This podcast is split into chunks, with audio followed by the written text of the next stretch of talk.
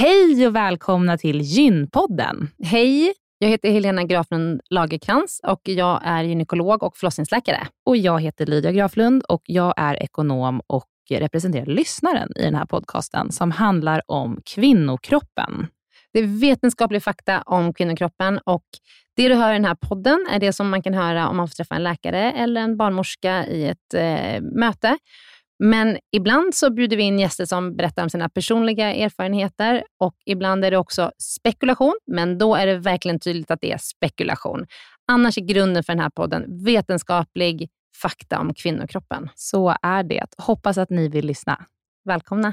Välkomna.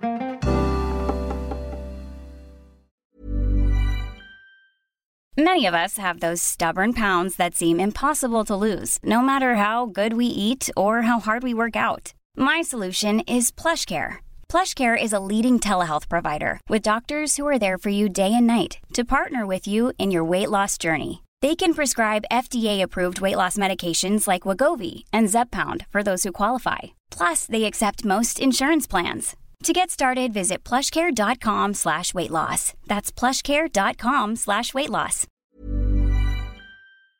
Den här veckans avsnitt av Gynpodden är sponsrad av Care. Och Helena, det är ju det bolaget, vårdbolaget, som du och jag har varit med och startat, där vi erbjuder digitala vårdmöten med specialister inom kvinnovård.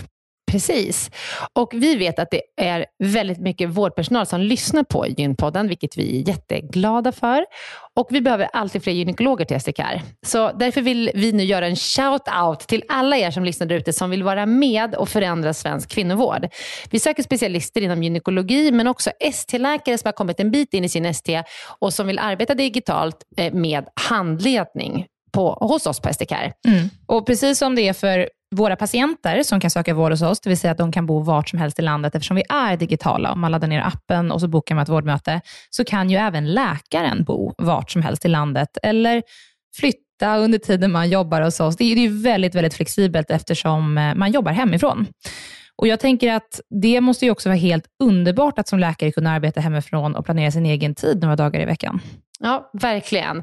Och samtidigt vara med och förändra kvinnovården med kollegor som är otroligt drivna och engagerade. Det är jätteroligt att jobba på SDKR. Och jag tycker att det här är en häftig grej som vi gör just nu, att vi erbjuder gyn, äh, gynvård i hela landet. Och vilka är de vanligaste patientmötena du tar, Helena? Ja, men det är ju klimakteriet, eh, PMS, eh, mensbesvär. Och det är ju såklart Eh, ärenden och eh, diagnoser som går att hantera digitalt. Men vi remitterar också vidare när det behövs mm. Eh, och tar labbprover när det behövs mm. och så vidare. Mm. Så gå in på sdcare.com, klicka på jobba hos oss i menyn för att läsa mer och skicka in en ansökan. Tack så mycket. Tack och välkomna. Innan ska hjälpa er lyssnare att eh, få veta var partierna står i frågor som rör jämställdhet och eh, kvinnohälsa.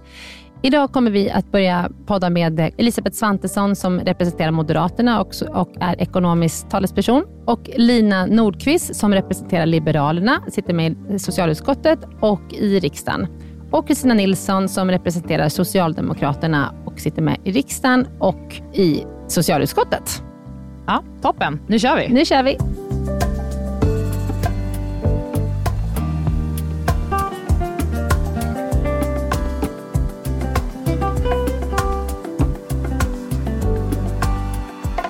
Elisabeth Svantesson. Välkommen! Tack så jättemycket. och jag säger att, eh, vi, alltså vi har poddat med mycket barnmorskor, läkare och lite eh, olika viktiga människor, men aldrig eh, med en politiker. Så det här ska bli så spännande. Och spännande för mig också. Mm. Inte ur den här vinkeln. Alltså när Nej. vi poddade med Kristina Gemsell så var ju det kring hur hon såg på kvinnovårdsfrågan och mm. hur, vad WHO fokuserar på och sådär. Men idag ska vi prata om svensk politik. Mm. Mm. Precis, och hur vården är uppbyggd och vad vi kan göra för att det ska bli eh, bättre mm. för oss kvinnor. Ja. Okej, men eh, en, ett kort intro av Elisabeth. Du sitter i riksdagen för Moderaterna. Du är ekonomisk politisk talesperson och vice partiledare. Stämmer bra. Och du är vice ordförande i finansutskottet. Mm. Och du är ekonom. Mm. Ja. Så du är på rätt plats där. Du är född 1967 i Lycksele, mm. mamma till tre söner. Hur gamla är de? De är födda 90, 92, 98. Okej. Okay. Och du bor i Nora med din familj? Ja, jag bor ju där med min man. Mina barn Mm. är ju vuxna och Mm. en av dem har ju till och med tre egna barn, så att jag är ju Jaha. farmor också. Åh. Jag ville bara ha det sagt. Ja, Mm. ja. Mm.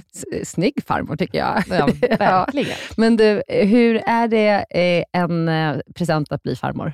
Absolut. Ja, det är så Definitivt. härligt. Ja. Ur många perspektiv. Mm, Men det här att se sina egna barn, mitt fall då min son, bli en riktigt bra pappa, mm, det är också helt fantastiskt. Mm. Det är liksom barnbarnen i sig såklart, Mm. men att se sina barn bli föräldrar, det är Mm. fantastiskt. Det kanske är då man vet att man har lyckats. Som Ja. förälder.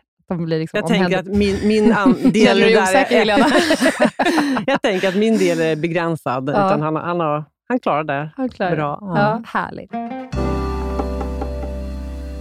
Men nu ska vi eh, podda om hälsa i stort och kvinnohälsa i synnerhet. Mm.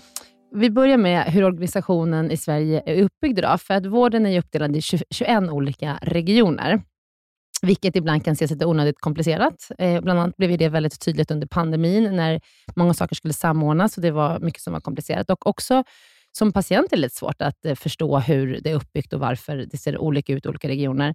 Hur ser Moderaterna på det? Men jag delar ju bilden att det kan vara komplicerat för, för patienten. Eh, och Vi ser också att det kan se väldigt olika ut, olika typer av vård beroende på var man bor, hur långa köer är till olika, vilken typ av vård man får. Så att vi ser ju ett behov att det blir mer, eh, att det blir mer likvärdigt. Eh, och En del vill då, man, lägg ner regionerna, så får staten ta över så blir det lika. Jag tror inte att det är så enkelt. Eh, staten är inte alltid bäst på saker och ting, det kan man också konstatera ja, titta på Swedavia på Arlanda eller på Arbetsförmedlingen och sådär. Men definitivt behövs det mer av liksom styrning eh, och tydlighet från riksdag och regering om vad man förväntar sig och na, typ nationella riktlinjer och annat Mm. som gör att man får mer likvärdighet och att vi följer upp på ett bättre sätt. Eh, det tror jag är viktigt. Vilka riktlinjer och vilka frågor tycker du ska vara på statlig nivå? Ja, men många egentligen. Eh, speciellt när vi ser att det inte fungerar. Man tar frågorna kring klimakteriet. Där får man ju...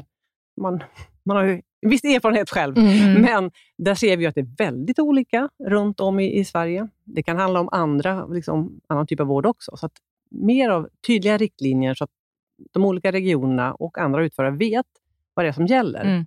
Så att man kan få lika vård eller samma typ av vård, vare sig man bor i Luleå eller i Bjuv. Men ska, man fortfarande ha, ska vi fortfarande ha 21 regioner?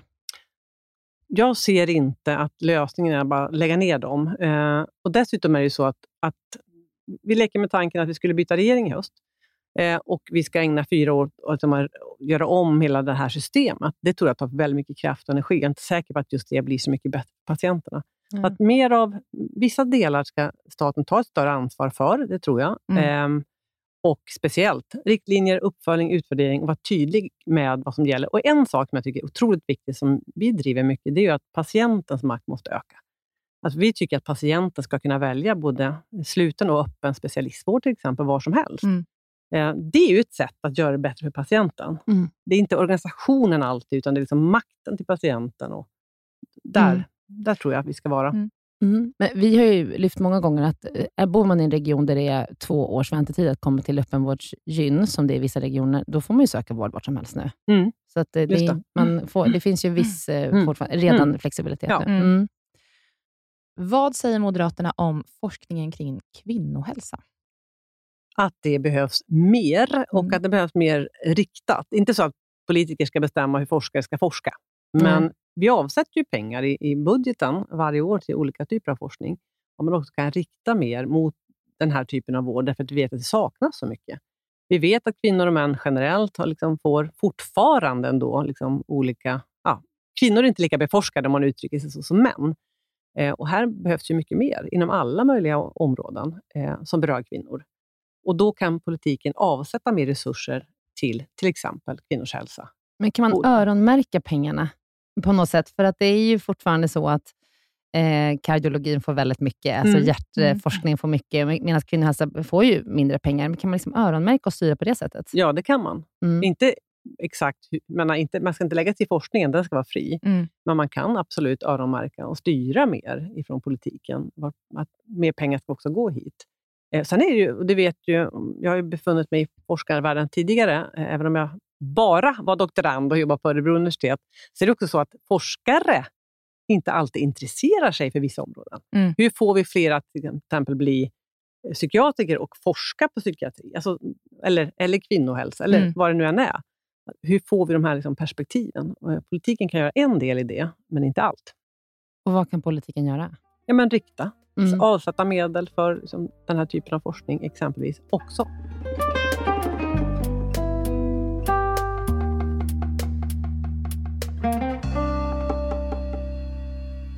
Har ni några konkreta förslag som du vill lyfta?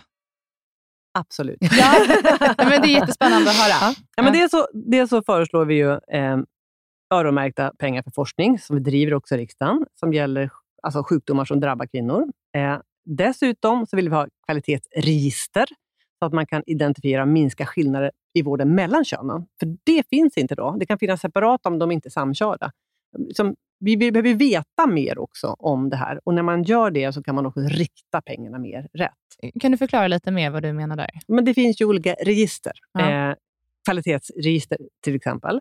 Och Då borde man kunna använda dem, alltså, när vi ser de här kvalitetsregistren inom olika områden, använd dem också eh, för att se okay, hur ser skillnaderna ut mellan könen, mellan regionerna och så att man faktiskt kan styra både medel, och resurser och forskning rätt. Och när du säger kvalitetsregister, då menar Mm. du liksom ett statistiskt Mm, underlag mm. där man mäter kvaliteten Mm, för mm. olika typer av kopior. Precis. KPI är ett svårt ord. Key performance eh, indicator. Men register, alltså som läkare, så Mm. då vi, de här regis- registren fyller man ju i Mm. precis hela tiden. Ja. Eh. Massa olika, liksom, så, fort, så fort du gått in, eller gjort Mm. en operation så går du in i gyn-op-registret och spel, liksom, skriver i exakt vad du har gjort för operation, om det Mm. fått några komplikationer, hur gammal var kvinnan, vad, så att, Fattar. det finns- Kvalitetsuppföljning. mm, exakt. exakt. Mm. Abortfrågan, Ja. ständigt aktuell och Ja. nu mer aktuell än någonsin med tanke på vad som händer i USA I till exempel, eller i världen. Mm. Ja. Eh, hur ser Moderaterna på abortfrågan i Sverige? Men vi ser ju att lagstiftningen är ju gammal. Inte riktigt lika gammal som mig, men nästan. Att den behöver moderniseras. Därför att det har hänt så väldigt mycket med utvecklingen av sjukvården, medicinska forskningen. Men det har hänt väldigt mycket sedan dess. När den kom till så var ju de flesta aborter kirurgiska. Nu är det, vi- ser vi ju mest, de flesta, allra flesta, nästan alla är ju medicinska. Och vi har ju drivit och faktiskt lyckats få med oss alla partier i Sveriges riksdag på, under det här senaste året, då, att man ska kunna göra eh, abort hemma. Det vill säga man ska kunna ta den första tabletten som man idag måste ta i sjukvården hemma. Det gör man ju i flera andra länder. Det är många, vi har ju också lyssnat på forskare, på liksom, olika förbund, på er som är i professionen, att det här bör man göra, för det är bättre för många. Om man vill som kvinna, naturligtvis. Det är ju inget tvång. Den här frågan har vi drivit eh, och faktiskt då ganska nyligen fått igenom alla. Det var en lång resa, men jag är väldigt glad att vi kom dit. För Jag tror att det här är ett viktigt steg att modernisera lagstiftningen och göra det bättre för kvinnan. Eh, Var det just Moderaterna som drev den frågan? Mm. Var det ni som plockade upp det? Mm. Och hur kom, hur kom liksom... Hur kommer ett sånt här lagförslag fram? Om man säger så är, blir ni kontaktade av liksom forskare inom kvinno, kvinnovård och säger så här, vi måste förbättra och förenkla för kvinnor att göra aborter? Eller hur, liksom, hur börjar ett sånt eh, arbete? Men all politik som kommer fram och blir bra, förhoppningsvis bra förslag, de grundar sig i att vi lyssnar, vi läser om forskning, vi pratar med människor. Det försöker jag göra inom mitt område hela tiden för att man ska lägga så bra förslag som möjligt. Och Här var det ju, fanns ju väldigt tydliga liksom, signaler från så många och att man gör det här i andra länder. Så att redan i februari förra året så lyfte vi frågan liksom, offentligt. Det här bör Sverige göra. Då var ju Centerpartiet och Liberalerna ganska snabbt på bollen och sa att det där är bra. Det ställer vi oss bakom. Sen kommer vi till själva riksdagen. Då lägger man förslaget där. Att man, att man tycker någonting i en tidning är en sak. Sen ska det vara ett konkret förslag. Sen har vi lagt det i, i, då, i det här fallet socialutskottet. Eh, och det tog eh, ganska många vändor innan vi till slut fick alla med oss. För när vi väl kom, alltså när, när det här låg i socialutskottet, var det några partier som slöt upp, men det fanns fortfarande ingen majoritet. Sen tar nästa steg, då kommer man in i själva den här stora kammaren i riksdagen. Då debatterar man och sen ska man rösta. Och vid debatten så var det fortfarande så att Socialdemokraterna var emot. Sen kom röst, omröstningen en vecka senare. Då hade vi också försökt driva på lite debatt, så få, få även dem att ställa upp. Till slut, när vi kommer till själva omröstningen, då röstar alla för förslaget om att det här ska vi utreda. Det här är liksom i grunden bra. Mm. Eh, det tar tid, eh, men vi fick med alla och det känns jättebra. Så kommer det bli ett lag, en lagförändring nu? Ja, nu, har ju, nu är det så här, nu får ju då, det är ju regeringen sen som måste genomföra. Nu är hela riksdagen säger att det här, ska ni, det här är uppdraget till er. Mm. Såklart, det måste utredas. Jag tror inte det behöver utredas särskilt länge. Jag hoppas inte att regeringen vill dra det här i långbänk, därför att det här är ett bra förslag som vore bra för väldigt många. Eh, Så, att, eh, så gick det Mm. till. Spännande. Det här var i våras. Det var i våras som vi röstade om det här. Mm. Ja, jag tror att det blir jättebra. Eh, Ja. Det är ju som, som du säger, det är en jättegammal lag och den där första tabletten som nu man är tvingad att ta på Mm. sjukhus, den gör ju ingenting. Alltså, eller, Den jo, är förberedande. den, är Ja. för, den gör visst Mm. någonting, den är förberedande, men det är ju inte den som man aborterar på, utan det Nej. gör man ju på de andra tabletterna. Ja. Och de får man ju redan ta hemma. Ja. Så att det är ju Så liksom, det blir liksom någon slags sken, eh, Ja. man upprätthåller någon slags... Ja. Ja, nej, men man håller fast det är någonting som var bra Ja. för x antal år sedan, Ja. när det var många kirurgiska aborter som Ja. gjordes. Ja, men och när man kanske inte heller kunde komma i kontakt med en gynekolog eller barnmorska Nej. på ett annat sätt Mm. än på ett sjukhus. Mm. För det måste ju fortfarande ägas av professionen. Mm. Och Då instiftades ju den här lagen för att skydda kvinnan, så att man inte skulle kunna göra de här, Mm. kirurgerna lite, här- eller de här kirurgiska aborterna lite här och var, utan Mm. de skulle göras Ja. på sjukhus. Att, Och det hade ju sin orsak Mm. 1974-75, Ja, men där är det ju har inte riktigt nu. utvecklingen gått framåt. Och jag tänker Mm. att menar, många kommer att välja det här, andra kommer inte göra det. Nej. Om man vill vara på sjukhus. Ja. Eh, Mm. Man ska få det stöd man behöver, även om man gör det hemma såklart. mm, Eh, Alla ska ha Mm. rätt till bra stöd. Såklart. mm. Mm. Ja. Tycker du att man behöver justera abortgränsen? Har ni dis- diskuterar, går de diskussionerna? Någon? Nej, de diskussionerna går Nej. inte Nej. just nu. Tycker ni att det behövs en abortgräns? Att vi skulle, inte skulle ha den gräns vi har. Ja. Men vi står ju bakom den lagstiftning som är nu vad gäller gränserna. Och det, tror jag det är en stor majoritet i riksdagen som tycker Mm. att den är, är, är rimlig och bra. Mm. För jag tänker, vi, I det avsnittet när vi Mm. pratade med Helena Kopp Kallner kring abort, så vet jag ju att eh, det var Kanada, va? de har ingen abortgräns överhuvudtaget. Men de har heller ingen rätt till att göra abort, var det va? Det. Mm, så det är lite Olika Mm. hur länderna lägger upp det.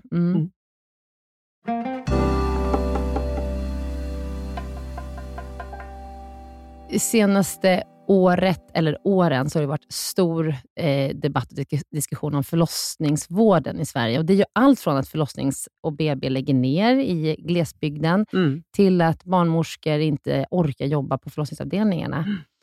Hur kan politiken påverka hur våra förlossningsavdelningar fungerar idag? Och för att kvinnor ska känna sig säkra att föda barn i Sverige? Mm. Jag tror politiken kan göra en hel del. Ehm, först och främst se till att det finns resurser såklart, men också se till att det finns riktigt bra chefer. Ledarskapet i liksom, säger, offentlig sektor är ju A och O, egentligen i vilket område som helst. Men att man har chefer som är smarta, förstår att en bra arbetsmiljö är A och O, villkoren är viktiga. Eh, så det är en väldigt viktig del. Ehm, jag vet ju att många regioner, här till exempel, vi sitter nu i Stockholm, jobbar man ju med också att se till att ha pengar till att sjuksköterskor kan bli barnmorskor, man får betald utbildning, man får behålla lönen. Det är ju en väldigt viktig del. Ganska många som gör det just nu. Så att politiken kan göra mycket, eh, men ledarskapet också i organisationerna är otroligt viktigt. Mm. Hur får man fram bra ledare i offentlig sektor? Jag tror att det handlar om att satsa just på ledarskap. Alltså att våga både sätta eh, mål så, och eh, sen hålla sig borta, låta cheferna nå de där målen, att inte politiker det- inne och detaljstyr, men också ledarskapsutbildningar, alltså chefsutbildningar. Och det där ser nog väldigt olika ut runt om i Sveriges eh, olika regioner. Ehm, Mm. Men tycker du att förlossningsvården är den patientsäker i hela Sverige? Det ska nog inte jag svara på. Det, det vet nog du och kanske andra ännu bättre. Men jag tänker så här. Jag tror att vården i grunden är rätt så patientsäker, men inte vid alla tillfällen. Och Framförallt handlar det också om hur, hur upplever barnmorskor det? Känner de att den är säker eller inte? Och då, då varierar det nog. Och Är det så att de inte upplever det, då är det liksom oro nog. Och Är det så att kvinnan som föder och föräldrarna inte känner sig säkra, så är det en oro att ta på allvar. Så att den här frågan är otroligt viktig ur så många perspektiv. Eh, och därför, vi vet att det behövs fler barnmorskor. Vi behöver ha bra liksom, eh, arbetsmiljö och arbetsvillkor. Och det ser väldigt olika ut runt om i Sverige. Mm. Jag hörde någon, utan, nu är jag lite ute på tunn is här, men jag hörde någonstans att vi aldrig lagt så mycket pengar inom förlossningsvården som vi gör nu. Och ändå så är det liksom på något sätt, jag har ändå jobbat i ja, tio år på Danderyd, Danderyds sjukhus som är en av Sveriges största förlossningsavdelningar och det är tufft. Alltså. Mm. Det är man, det är knappt att man orkar. Mm, och man nej. orkar absolut inte jobba 100 procent. Mm. Utan Och det ska man ju få orka. Ja, mm. Alltså, Men det går inte. Och det kan ju, det, jag skulle vilja säga att det är ytterst få Mm. barnmorskor som Mm. orkar jobba 100 procent. mm. Och Då får man ju bara 80 procent av sin lön på en lön som redan från början är ganska låg. Men det jag skulle komma till med det... Jo, det har ju också någonting att göra med att kvinnor, eller att vi kräver mera också. På något sätt. Både av vårt arbete, men också av vår upplevelse som patienter. Och Vi är mycket mer pålästa och kräver mycket mer än vad man kanske gjorde för 30 år sedan. Jag vet, jag vet inte, det är liksom ett... Nu får jag sån här back. Det är ingen Mm. som bryr sig om det. Jag födde mitt första barn. Men Jo, det är men- så jättespännande. Det här var 1990. Ja. Det var då man kom på att man ska ha, hand om, man ska ha barnet nära sig på Mm. natten. Problemet var bara att jag var i ett rum med fem andra kvinnor. Och ah, Samtidigt skulle alla barn vara där. Men men då, Ja. då, det var så man gjorde. Ja. Jag är glad för att kvinnor idag kräver lite mer än man gjorde för 30 Ja. år sedan. Det är i grunden väldigt bra. Men alltså det var... Det är alltså inte krävande att ställa krav. Ja, ja men, det är, men det är ju någonting med liksom att när jag födde barn, jag skulle aldrig kunna drömma om att dela rum på BB. Jag vet att det är bortskämt, men jag ville ha ett rum Mm. för mig och min man och min bebis. Och Jag vet att ni delade som säger fem stycken, men det Mm. skulle vi... Nu under pandemin när vi hade lite brister och, och liksom skulle Mm. Dela rum, det var ju patienternas största... Och det här är ju inte när man föder, utan på BB. Lina Mm. tittar på mig. Mm. det är inte när du föder, föder Du ut behöver inte barnet. Då vara är du med fem andra när du föder. Traumatiserar fem andra kvinnor samtidigt. I samma förlossningssal. Nej, men jag tror att vi, vi kräver mera nu. Ehm, ja, vad vill jag ha sagt med det? Men det är väl utvecklingens gång också. Mm, Mm. Precis. Ja. Ja. Men det är väl någonstans också bra. ja, men det är För bra. att allt var Mm. alltså inte bättre förr. Är det så? Ja. Nej, nej, så det är det väl. Det kanske alla behöver påminnas om Fast vår- områden. Vår mamma Lydia, hon brukar ju berätta om när hon födde barn och sen så tyckte hon det var så skönt. Hon fick vara kvar en vecka på BB Mm. och sova. Och jag vill inte se er på en vecka. kanske var för att ni vägde åtta kilo ihop och var två.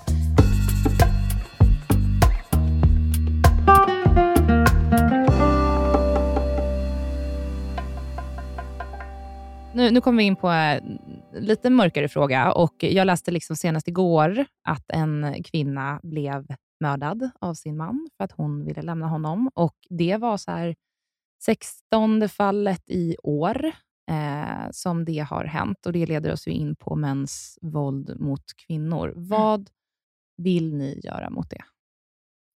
Men först och främst så finns det en risk att de här kvinnornas situation hamnar lite i skymundan på grund av gängskjutningar och våld och allt annat som nu händer bara på öppen gata. Därför är det bra att ni lyfter det och vi i politiken måste hela tiden lyfta, prata och se vad kan vi förbättra. För det här är ett enormt samhällsproblem som fanns här långt, långt innan de gängkriminella liksom, de ställde till det på gatan och dödade varandra och också dödade en del andra. Här tycker jag att det finns så många olika delar som är viktigt för politikens sida. Allt ifrån kvinnojourer, långsiktig finansiering och, och, så. Men det går inte att komma ifrån att den lagstiftning vi har, brottsbalken som vi har, den har liksom gärningsmannens liksom perspektiv och inte brottsoffret. Vi tycker man ska göra om lagstiftningen. Man måste ha ett tydligare, tydligare fokus på skärpta straff. Eh, nu vet jag att det inte löser allt, men att hårdare straff och att häkta vid fler tillfällen. Vi tycker till exempel att om man är misstänkt för grov kvinnofridskränkning, då ska man häktas di- direkt. Varför ska kvinnan, som är ofta slagen, brutalt slagen, fly med barnen? Varför ska mannen bo kvar hemma eh, om man är misstänkt? In i häktet direkt, Mm. exempelvis. Kontaktförbud, det här liksom kan bli så provocerad över. Det är ju jättesvårt att få kontaktförbud. Kommunerna som i grunden som också eh, ja, är med och beslutar om det, eller avgör, i, finns med i beslutet. Och det ser olika ut. Då kan man ibland få vänta tills man är misshandlad en gång till. Men då kan det ju vara för sent. Det finns så mycket här som vi har... Det har hänt saker som har blivit bättre, men fortfarande väldigt mycket kvar att göra från politikens sida. Och varför tar det så lång tid att ändra på de här frågorna? För där måste väl nästan eh, alla Mm. parti, alltså, eh, partier måste ju vara överens i den här frågan, att det inte är hållbart samhälle att kvinnor blir ihjälslagna av sina män. Absolut. Nej, men jag, vi har ju drivit på och vi har ju ofta majoritet i de här frågorna när det gäller skärpta straff till exempel. Eh, när det gäller den här frågan om att, eh, om att häkta direkt eh, när en man är misstänkt för, för eh, grov kvinnofridskränkning, så finns det inte majoritet för det, vad jag vet. Eh, vilket jag tycker är helt obegripligt. Eh, så. Det har jag varit så provocerad över under många år. Jag har besökt kvinnojourer runt om i Sverige och när man hör berättelser och man skyddade boenden så förstår man inte hur, hur kan det ha gått så här långt. Men det är ett misslyckande. Jag ska inte skylla på någon annan. Det är ett misslyckande för alla politiker tycker jag på den här nivån. Att vi inte har kommit längre. Och det är ett misslyckande att vi fortfarande inte... Ja, vi pratar för lite om de här frågorna. Vi gör lite för lite. och eh, ehm, Jag tycker att det borde vara en, en, en väldigt högt prioriterad fråga när det gäller lag och ordning. Inte bara då gängkriminaliteten. Vet vi om det är mer, eh, fler kvinnor som blir mördade av sina män i Sverige idag än tidigare? Eller är det att jag läser det mer nu? För jag läser det så ofta mm. och det känns som att det sker så mycket mer nu än mm. vad jag har tänkt på det tidigare. Jag tror att det ligger... Det, olika år kan det ju vara olika. Alltså kan ju, det är ju inte helt jämnt, liksom. men, men, generellt sett så har det, här, det har varit många kvinnor under många år som har mördade och det är inte så att det... Kanske skrivs det mer om det nu och det är ju i så fall väldigt bra. Ja. Eh, att frågan lyfts. Så att också, för det här handlar om politiken, men det handlar också om att alla vi är mer medvetna om liksom, att det här händer. Att det mm. här är, kan vara en en så kallat mycket trevlig man. Ni förstår vad jag menar. Vi kan träffa dem i alla möjliga situationer. Mm. Eh, det är liksom inte en viss kategori. De finns överallt. Mm. Alla samhällsklasser, överallt. Man kan vara född i Sverige, i ett annat land. Det händer liksom. Och eh, de kan behandla eh, den kvinnan som de lever med, eller har levt med, eller ville leva med, mm. eh, helt brutalt. Och Det här är ju liksom de som ändå har gått så långt i de fall att de har blivit mördade. Tänk ja. hur många då som lever Exakt. under ett ständigt hot, eller Exakt. i hotfulla situationer. Mm. Exakt. Så vi har, man ska också vara liksom, uppmärksam på eh, vänner och närhet och arbetskamrater. Och, eh, ja. men, på, men på något sätt känns det som att om inte ens mannen blir häktad, hur mm. ska man våga anmäla då? Mm. Exakt. Men det är där så ja. många befinner sig, mm. befinner sig. Och så här, det här att, att fly med barn eh, och lämna allt, det är ju lätt för oss att säga att ja, men man tar upp, drar iväg sina barn till en annan kommun under det, alltså bara det är ju traumatiskt. Det är ju traumatiskt nog, det man har blivit utsatt för. Och här ska ju inte kvinnan straffas, för det blir någon slags straff för kvinnan och mm. barnen. Mm. Det är mannen som man måste plocka bort mycket, mycket större utsträckning. Mm. Eh, och kontaktförbud borde också, och, och vistelseförbud. Eh, alltså att man inte ska vara i närheten av kvinnan när man har, eh, när man har ja, utsatt henne för en brutal misshandel. Men Elisabeth, lovar du driva på den här frågan? Absolut. Mm. Eh, Mm. Absolut. Mm. Men, alltså, Sverige ska inte vara ett land... Vi ska inte, vi ska inte behöva läsa, behöva, vi ska inte läsa om kvinnor som dör, mm. kvinnor som misshandlas. Och vi behöver eh, från politikens sida och från många andra nivåer göra betydligt mycket mer. Mm.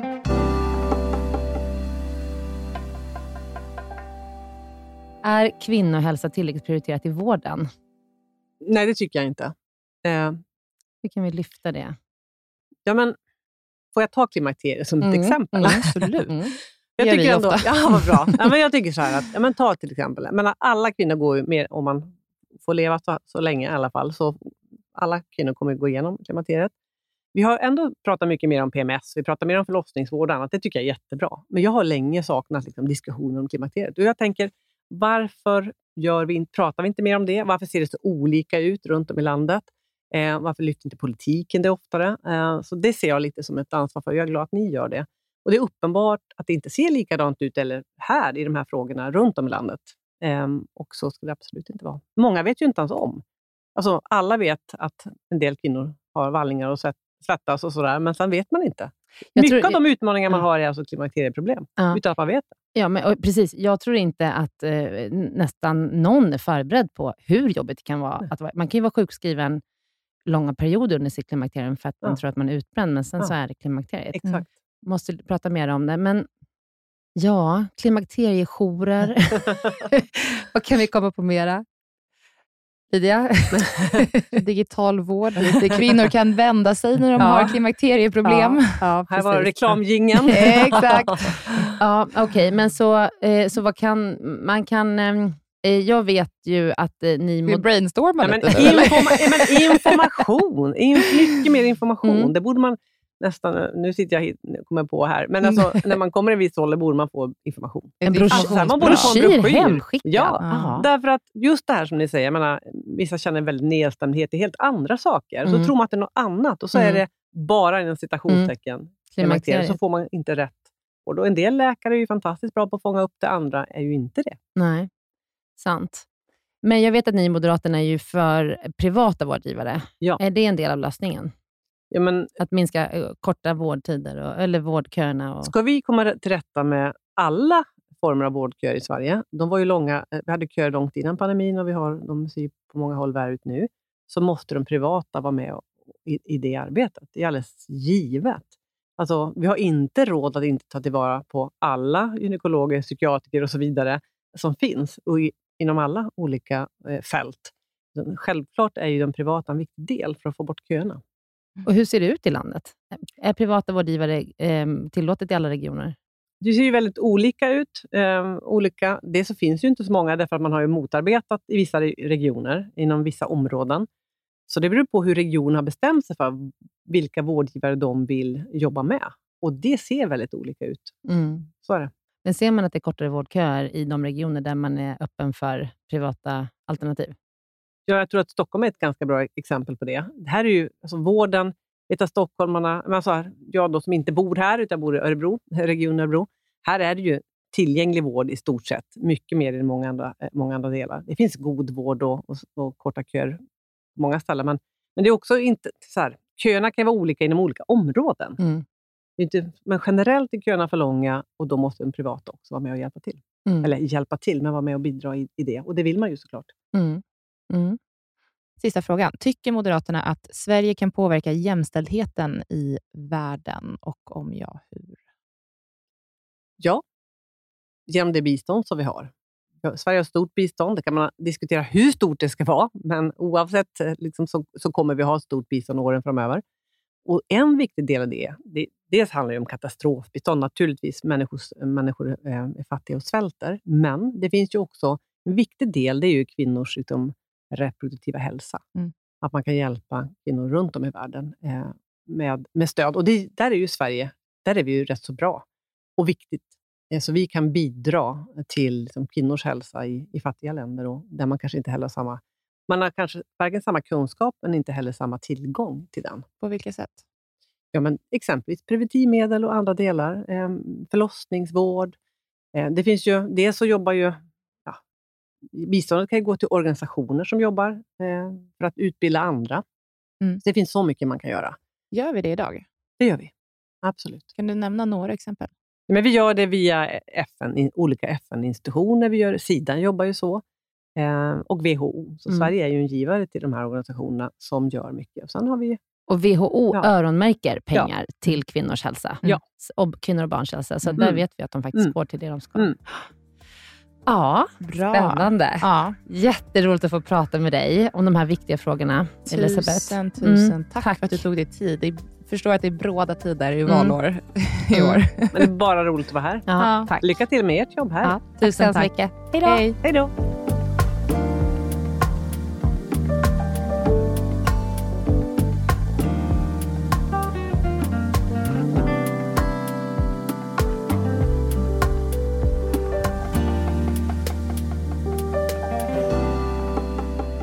Det är eh, Lina Nordqvist som vi har som gäst idag. Välkommen! Från Liberalerna.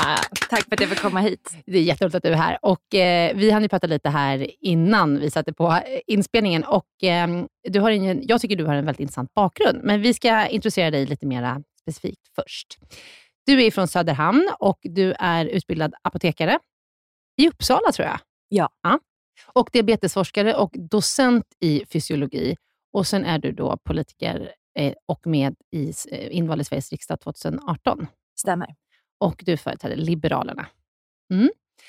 Och du har två barn Ja. och du tyckte att du förändrades mycket som människa när du blev mamma. Han du berätta här? ja, precis. Jag erkände precis att jag tror att jag tror jag var lite odödlig tills jag fick barn. Mm. För det var ju bara jag. Och Mm. Det spelar inte så stor roll då om man går mot rött eller om man cyklar utan hjälm eller om man gör ganska våghalsiga saker och liksom kastar sig ut i alla möjliga situationer. Men sen blev ju världen så otroligt mycket vackrare men samtidigt också oerhört läskig. Mm. Um, så jag, är det- nog, jag är blödig för livet efter Mm. de där Ja. ungarna, tror jag. Men, och du är också författare. Det Ja. hade inte jag eh, hunnit läsa på innan, men du har köpt två böcker. Det är också barnens fel, kan jag säga. Ja. För det var den där blödigheten som gjorde att det började klia inuti. Ja. Vad, vad, handlade de, vad handlar de böckerna om? En stor del handlar ju just om rädslan för att inte kunna hjälpa sina barn. Vad händer, vad händer om jag inte kan hjälpa dem? Vad händer om något händer mig? Om någonting drabbar dem?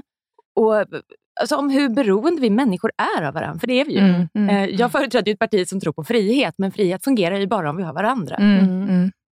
Ja, intressant. En släpps nu i höst, berättar också. Precis. Mm.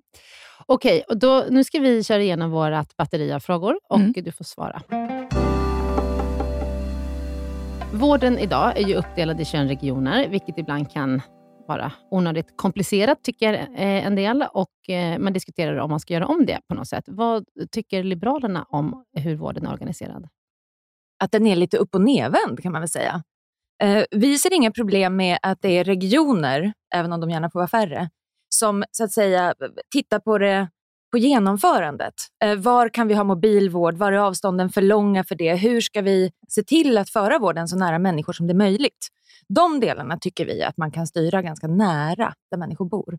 Men däremot de strategiska frågorna, beredskap, kompetensförsörjning, rätten till fortbildning, att säkra att man får den behandling man behöver för sjukdomar man drabbas av oavsett om man bor i Tranås eller Kalix. Sånt tycker vi att det måste man styra nationellt. Mm. Det finns alldeles för lite nationell strategi idag. Så inte ett förstatligande av vården, men lite mera statlig inblandning i styrandet? Är det så Ganska du menar? mycket mer statligt inblandande i, i det, det, strategiska styrandet. Idag är Mm. staten ute och duttar med två års pengar till en det ena, en det andra. Vi får ju inte fler vårdanställda av det, det är jag helt övertygad om. Vi får Mm. fler administratörer. Mm. Och det är inte de som gör människor friskare. Men, eh, men tycker du att regionerna ska bli färre? Eller tycker ni Jag det? tycker att de regioner, och vi tycker, eh, för jag företräder ju Liberalerna nu inte bara mig själv. Nej. Eh, Vi, vi tycker att de regioner som samarbetar nära varann, d- där ska staten få ett uppdrag att hjälpa dem att slå samman till större regioner. Vi ser ingen nytta i att eh, tvinga ihop regioner som inte vill samarbeta, men på väldigt många håll skulle det faktiskt vara enklare om de var större, för människors skull. Toppen, Yes. vi går vidare. Mm. Tycker du att kvinnohälsa och forskning kring området är nedprioriterat i vården jämfört med annan vård? Ja, sen väldigt lång tid tillbaka skulle jag säga. Mm. Många säger ju fortfarande att symptom är diffusa. Mm. Eh, och I min värld betyder det vi känner inte till dem än. Mm. Eh, och Det gäller ju allt, tänker jag, från, från hjärtinfarkter till eh, mer så att säga, klassiska där man tänker kvinnosjukdomar, endometrios, lipödem, eh, äggstockcancer, eh, foglossning. Man kan hålla på hur länge som helst. Eh, på väldigt många håll sägs det att det är så svårt att ställa diagnos, men det är ju för att vi inte har letat efter svaren. Mm. Vad, vad, vad vill Liberalerna göra för att öka upp eh, forskningen på det här området? Vi tror att det är farligt att jag som politiker pekar på en viss sjukdom och säger den ska vi forska mer om. Däremot vill vi att man säger att där Statens beredning för medicinsk utvärdering, där de identifierar kunskapsluckor, där måste statliga resurser fokuseras så att man sluter kunskapsluckorna. Och när den är sluten, då, då kan det forskningsområdet då kan det vara med i vanlig konkurrens och så fokuserar man på nästa kunskapslucka. Mm. Ehm, Men, men finns det några sådana områden som du känner till nu som eh, SBU har liksom pinpointat att det här inom kvinnohälsa behöver vi fokusera på? Väldigt många. Ja. Eh, om man gör sökningar så kan man se allt från fallskador hos äldre kvinnor, benskörhet, eh, till saker som drabbar betydligt yngre kvinnor, i tonåren till och med, psykisk ohälsa eh, och eh, rena gynekologiska besvär, där sammanställningen avslutas med vi hittar ingen evidens för vi hittar inga studier. Eh, och så ska det inte stå. Eh, man ska kunna bedöma, är det här en bra behandling eller inte en bra behandling? Vad fungerar, vad fungerar inte? Där måste vi sluta de luckorna, för det är ju människor som hamnar i kläm. Det är de som ramlar ner i de där hålen. Men är alla överens om det här, att liksom de pengarna ska, ska um, öronmärkas för de här hålen, om man säger? Eller är det just ni som jobbar för det? Än så länge tror jag att det är Liberalerna som jobbar för det. Men det är ju en strålande idé, så snart är nog alla överens. Mm. okej. Mm.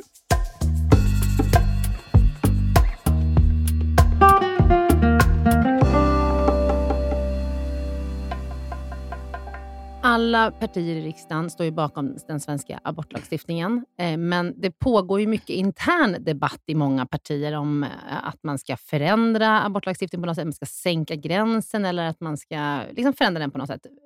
Hur går diskussionerna i ditt parti? Vi vill grundlagsskydda rätten till abort. Och det var det många som tyckte var ganska tramsigt just eftersom vi ändå haft rätt till abort sen innan jag föddes i Sverige och man tänkte att den var väl inte så hotad, så vad ska vi hålla på med det där för? Men nu upplever jag att vi får starkt stöd även från andra partier för det som hände i USA nyligen och det som händer också på andra sidan Östersjön i många länder där. Eh, det visar ju att rättigheter är inte färdiga för att vi har vunnit dem en gång. Man måste vinna dem om och om igen. Och grundlagen skulle ge kvinnans rätt i hennes kropp eh, ett mycket starkare skydd. Idag går det med ett enda riksdagsbeslut faktiskt.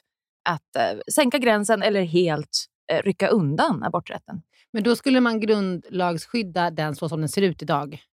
Att ett livsdugligt eh, foster är gränsen, precis. Mm. Är det något parti som eh, inte vill det? Och som du jag vet. tycker att det är... Jag har svårt att tolka svaren från en del partier, så jag vågar inte ge mig Nej, in på det, vad, vad, vad de faktiskt Mm. tycker. Eh, förlossningsvården, alltid under debatt. Eh, det har ju varit mer än någonsin här under senaste perioden. Det är många förlossningsavdelningar som läggs ner i delar av landet och eh, barnmorskor liksom lämnar förlossningsvården. Vad tycker ditt parti att ni kan göra för att stärka eh, förlossningsvården och att alla kvinnor i Sverige ska ha rätt till en säker förlossning? Vi tycker att det är väldigt viktigt att man skiljer på varför eh, förlossningen inte, in, inte är öppen på ett visst ställe. Är det så att man har alldeles för få förlossningar så att säkerheten inte kan garanteras därför att varje enskild person på sitt arbetspass möter en födande kvinna för sällan? Och då måste vi ju se till, kan den vara öppen ändå? Eller kan vi på något sätt se till att kvinnan tryggt eh, kan, kan förlösas eh, trots att det är långt hemifrån den här nya då förlossningsavdelningen ligger? Eh, och då är frågan, ska man ha patienthotell eller hur ska vi se till att, att barn inte behöver födas längs vägkanten? Eh, det, det är ju en ren, ska jag säga, faktafråga där det går att se till vad är tryggast. Hur många förlossningar behöver vi ha på ett visst ställe för att, för att det ska vara tryggt för både mamman och barnet? Eh, men sen har vi ju väldigt många ställen i landet där kvinnorna är många nog som kommer, men barnmorskorna som tar emot är inte många nog. Och Det är ju ett annat problem. Eh, där man kan se att om, om alla barnmorskor i Sverige orkade jobba heltid skulle vi ha 800 fler.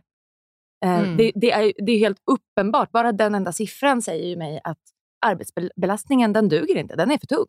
Vi måste se till att skapa bättre arbetsvillkor. Eh, Så att människor får kollegor nog, orkar, orkar jobba kvar ett helt arbetsliv, känner att man har tiden nog för att faktiskt göra ett bra jobb och kan gå hem från jobbet och vara stolt. Men ett förslag som jag tror i varje fall har varit uppe på ta- tapeten här i Region Stockholm, när det var så många barnmorskor som sa upp sig i, eh, för ungefär ett halvår sedan, det var att, att en 80-procentig tjänst ska motsvara 100%, för att man orkar inte jobba mer än 80%.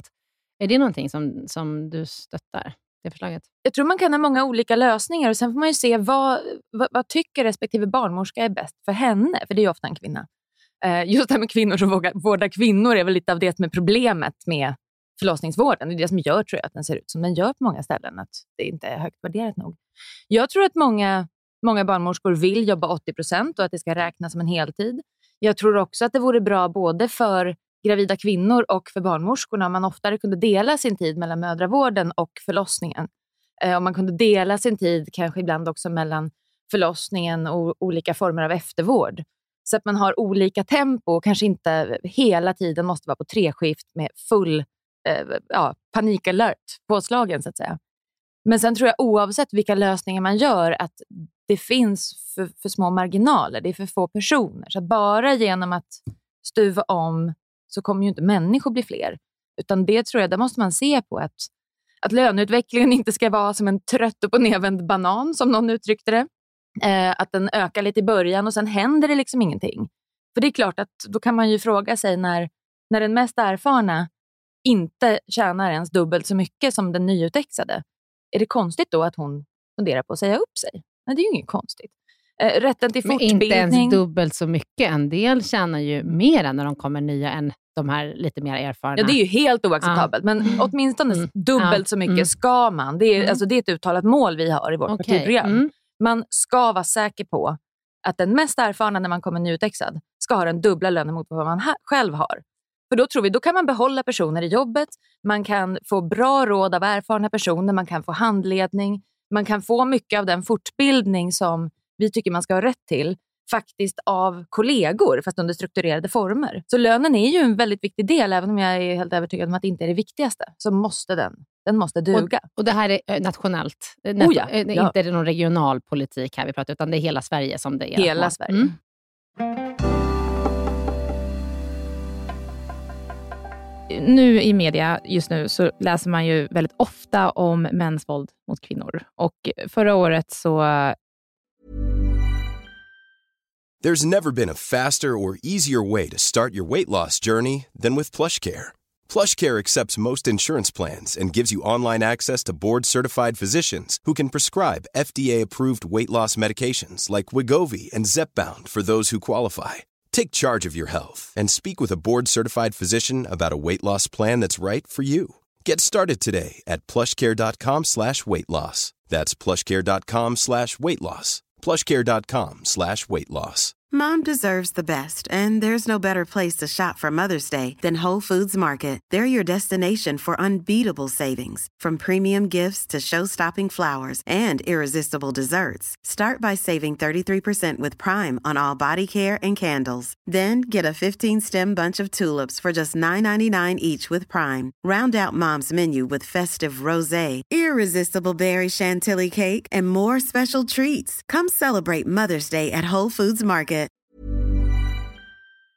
Veckans avsnitt av Gynpodden är sponsrat av mittpreventivmedel.se som är en informationssida från Bayer. Mm.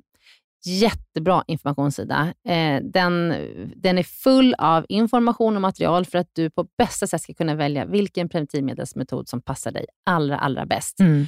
Och Det vi tänkte prata om idag det är att det finns något som heter samtalsguide mm. på den här sidan. Mm. Och Det är ett formulär där man har, får en massa frågor, till exempel så här, att komma ihåg att ta med preventivmedel dagligen är inget problem för mig, eller ibland svårt, Mm. eller inte min grej. Mm. Eller eh, om jag blev gravid nu och så vidare. Liksom. Så att man får kryssa i en massa frågor och ta ställning och fundera innan du Mm. träffar din gynekolog eller barnmorska, så att du liksom verkligen får med alla frågor som är viktiga för dig i det där mötet. Ja.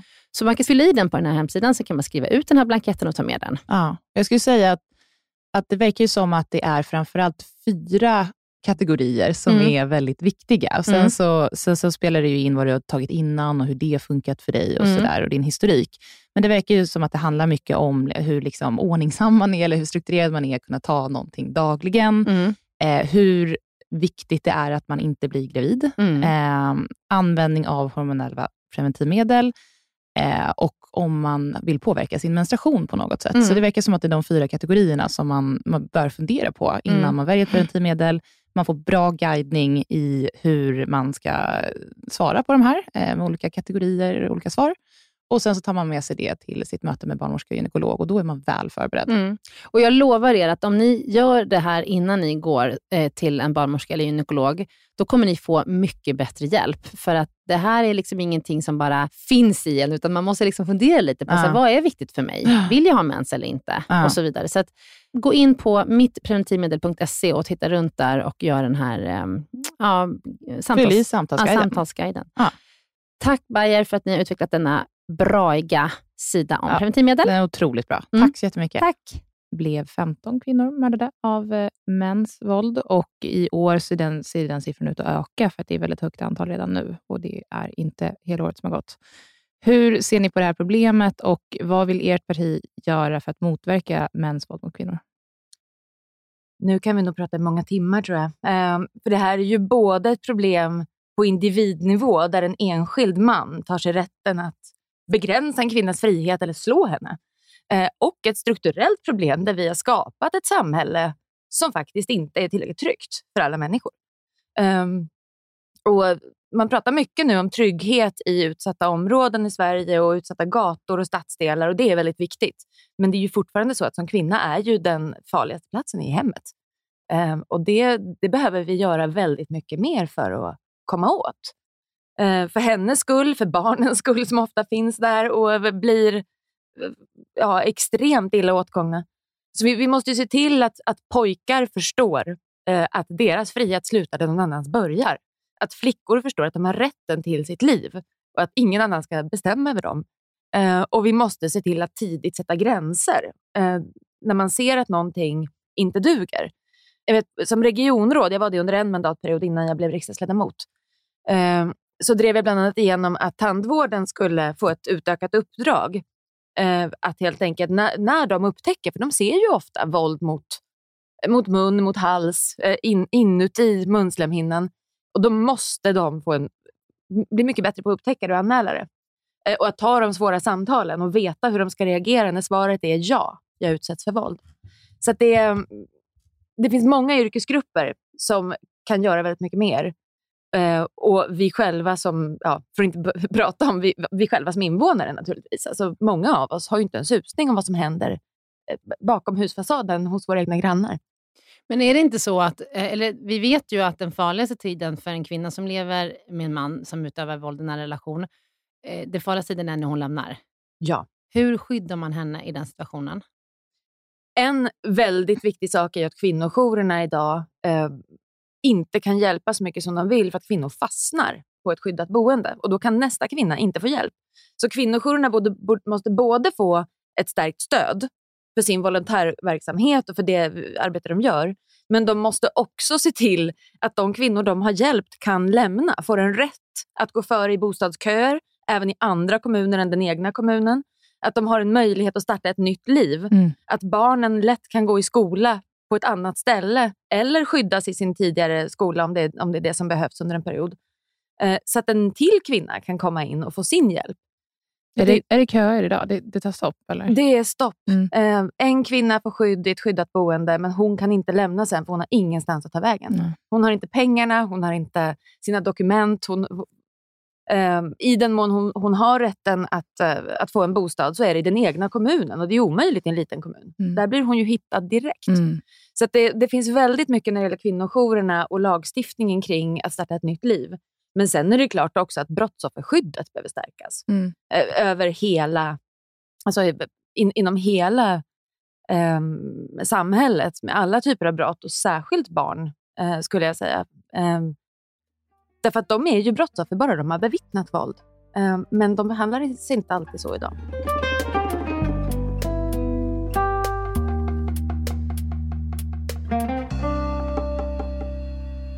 Är kvinnohälsa alltså tillräckligt prioriterat i vården? Vi pratade lite om det här med forskning innan, men eh, ett exempel är ju att eh, kvinnor inte har möjlighet att träffa gynekologer med sina gynrelaterade besvär och att eh, många hänvisas till vårdcentralerna med klimakteriebesvär eller eh, mensrelaterade besvär eller vad det kan vara och att man inte där har tillräcklig kompetens för att ta hand om kvinnorna. Och så valsas det runt. Man får kanske antidepressivt under klimakteriet för att man är väldigt trött och det kan ju te sig som att man är deprimerad, men man behöver egentligen en, en utredning huruvida man kan stå på östrogenbehandling.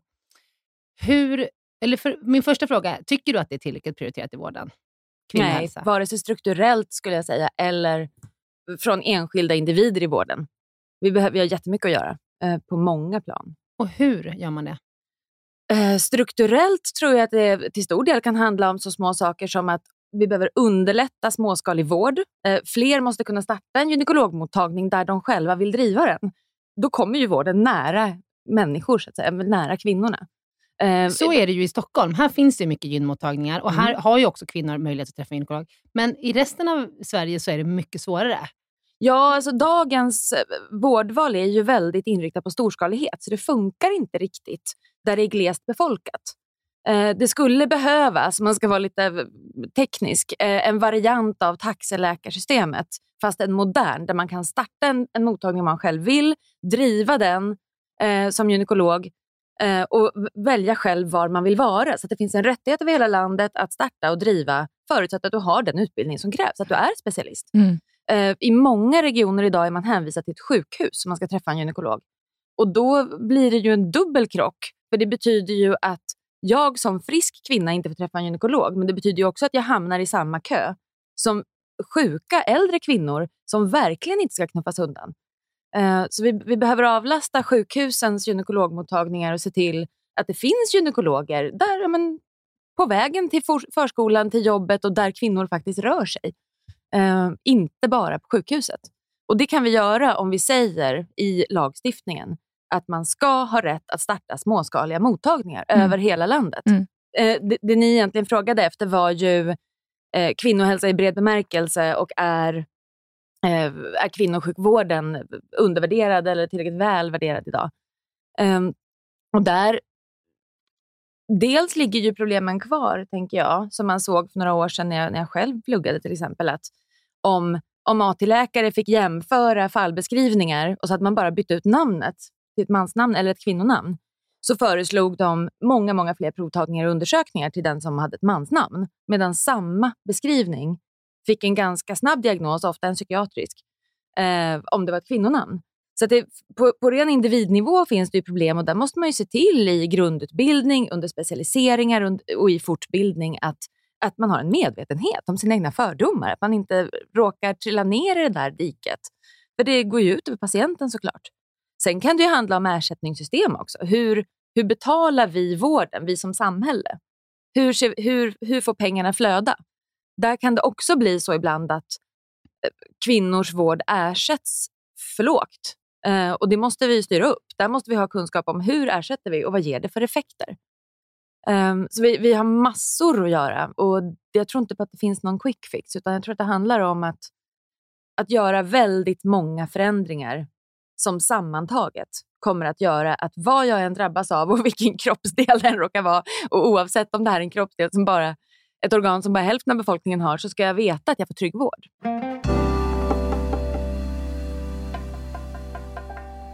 Vi har ju kommit långt i Sverige när det kommer till jämställdhet, relativt många andra länder ute i världen. Och Det har ju skett väldigt mycket förändringar åt det negativa hållet tyvärr de senaste året. Om man ser till Afghanistan och abortlagen i USA och sådär. Tycker ert parti att Sverige kan påverka jämställdheten i världen och i så fall hur?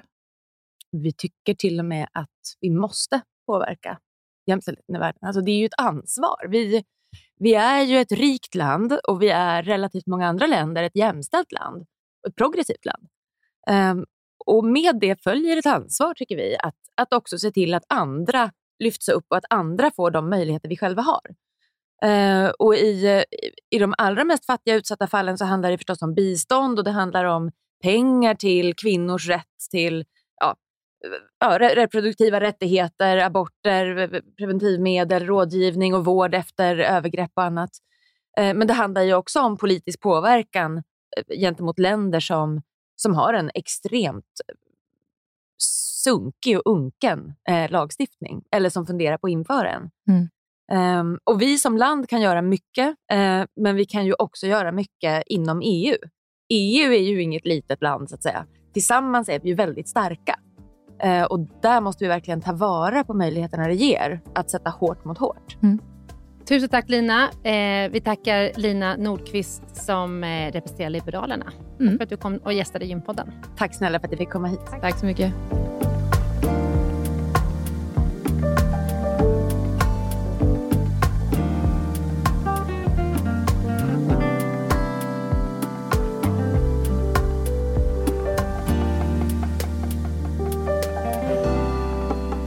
Kristina Nilsson ifrån Socialdemokraterna. Välkommen! Välkommen! Tack så mycket. Hej! Och det här är faktiskt första gången som vi poddar på länk. Mm. Det här kommer gå jättebra. Kristina, håll telefonen nära munnen. Jag håller telefonen så nära munnen som jag Underbart. kan, men det är så trevligt att titta på er också. Ja, det är det. Och eh, Kristina, du är invald i riksdagen sedan 2010. Stämmer det? Ja. Det har jag Wikipediat mig till. Och du är vice ordförande i socialutskottet. Ja, Och sen är du utbildad sjuksköterska i botten. alldeles rätt. Ja. Eh, har du jobbat i vården? Ja, jag har hunnit jobba nästan 20 år i vården innan jag blev heltidspolitiker. Okej, varför var det då? då? Jag har varit både inom eh, det som nu heter regionen, som då heter landstinget, men jag har också varit på kommunen. Ute i, Okej. bland äldreomsorgen, lite på distrikt. Mm. Ja, lite olika. Mhm. Ja. Och du är, är hemmahörandes i Örnsköldsvik, stämmer det? Det stämmer. Yes, bra. Då är allt eh, som jag har Wikipediat mig fram till rätt. Exakt. Men du, du går vi in på det som är riktigt viktigt, alltså hur du och eh, ditt parti eh, ställer er till de frågorna som vi har satt ihop. Så vi kör igång. Vården idag är ju uppdelad i 21 regioner, vilket ibland kan ses som ett onödigt komplicerat sätt att få jämlik vård för alla. och Det har ju fått en del kritik, till exempel här nu under pandemin, att, att det är svårstyrt. Hur ser ni på den här uppdelningen jämfört med att vården skulle till exempel förstatligas eller att antalet regioner ska minska? Ja, men vi har ju länge tyckt att det är för mycket med 21 regioner. Det är väl mer än tio år sedan som vi började jobba med ett förslag för att göra regionförstoring då och kanske komma till någonstans eh, sex, nio regioner. Men det här idén och tanken fick ju ingen majoritet. Det fanns ju ingen majoritet för det här i riksdagen, så det blev ju ingenting av det. Eh, så med det sagt så är det väl ganska självklart att vi tycker att 21 regioner är för många. Mm. Sen när det gäller förstatligande då, då, då tänker jag att i det läge vården är just nu så skulle det vara det skulle ju bli en gigantisk administrativ omorganisation och det tror inte jag att vården skulle tjäna på idag. Eh, det finns mm. ju andra stora statliga eh, institutioner, till exempel försäkringskassa, arbetsförmedling. Eh, de är ju inte lättstyrda heller bara för att de är statliga och de är ju inte ett under av likvärdighet över landet. Så jag tror inte att ett förstatligande är rätt väg att gå. Vad, vad, är rätt väg att gå? Då? Vilka, konkreta, vilka konkreta steg bör man ta för att förbättra vården? Ja, men jag hoppas till att vi ska kunna någon gång få en majoritet för att vi ska ha färre regioner. Eh, mm. Och Sen tror jag också att det behövs en del mer statlig styrning. Eh, kanske då mm. framförallt för den högspecialiserade vården. Och som ni ja. känner till det här med regionala cancercentra och så, det tror jag är en jättebra idé. Att det som det som är inte så jättevanligt, det gör man bäst på några få utvalda platser. Mm. Mm. Okej. Okay. Ja. Vi på Gynpodden lyfter ju kvinnohälsa och kvinnovård. Och vi tycker att det är till, till, exempel är problematiskt att kvinnor som går igenom klimakteriet inte får rätt hjälp eh, eller i rimlig tid, eller att ungefär 15 procent av alla flickor och kvinnor i Sverige är hemma varje månad från arbete och skola på grund av menstruationsproblem för att man inte ja, men får rätt typ av behandling eller att forskning fortfarande görs framför allt på män eh, och av manliga forskare i större utsträckning än av kvinnliga forskare. Hur, hur ser ni på jämställdheten mellan könen i vården eh, samt i forskningen framåt? Ja, men jag tänker att det behöver absolut forskas mer om kvinnorelaterade besvär och kvinnosjukdomar. Du nämnde det här med klimakteriet. Jag menar, även politiker går igenom klimakteriet. Jag gjorde det väldigt abrupt genom en operation och eh, jag vet hur många brister det fanns i min vård i det sammanhanget och efter det har jag ju hört om väldigt många kvinnor som har väldigt stora besvär och det är väldigt svårt att få både ett bra bemötande men också konkret hjälp. Eh, mm. Sen när det gäller vilken forskning som ska bedrivas så, så tänker jag att det är ju viktigt också att forskningen är fri. Men vi behöver ju liksom hålla uppe en debatt och ifrågasätta varför det faktiskt saknas forskning på många områden.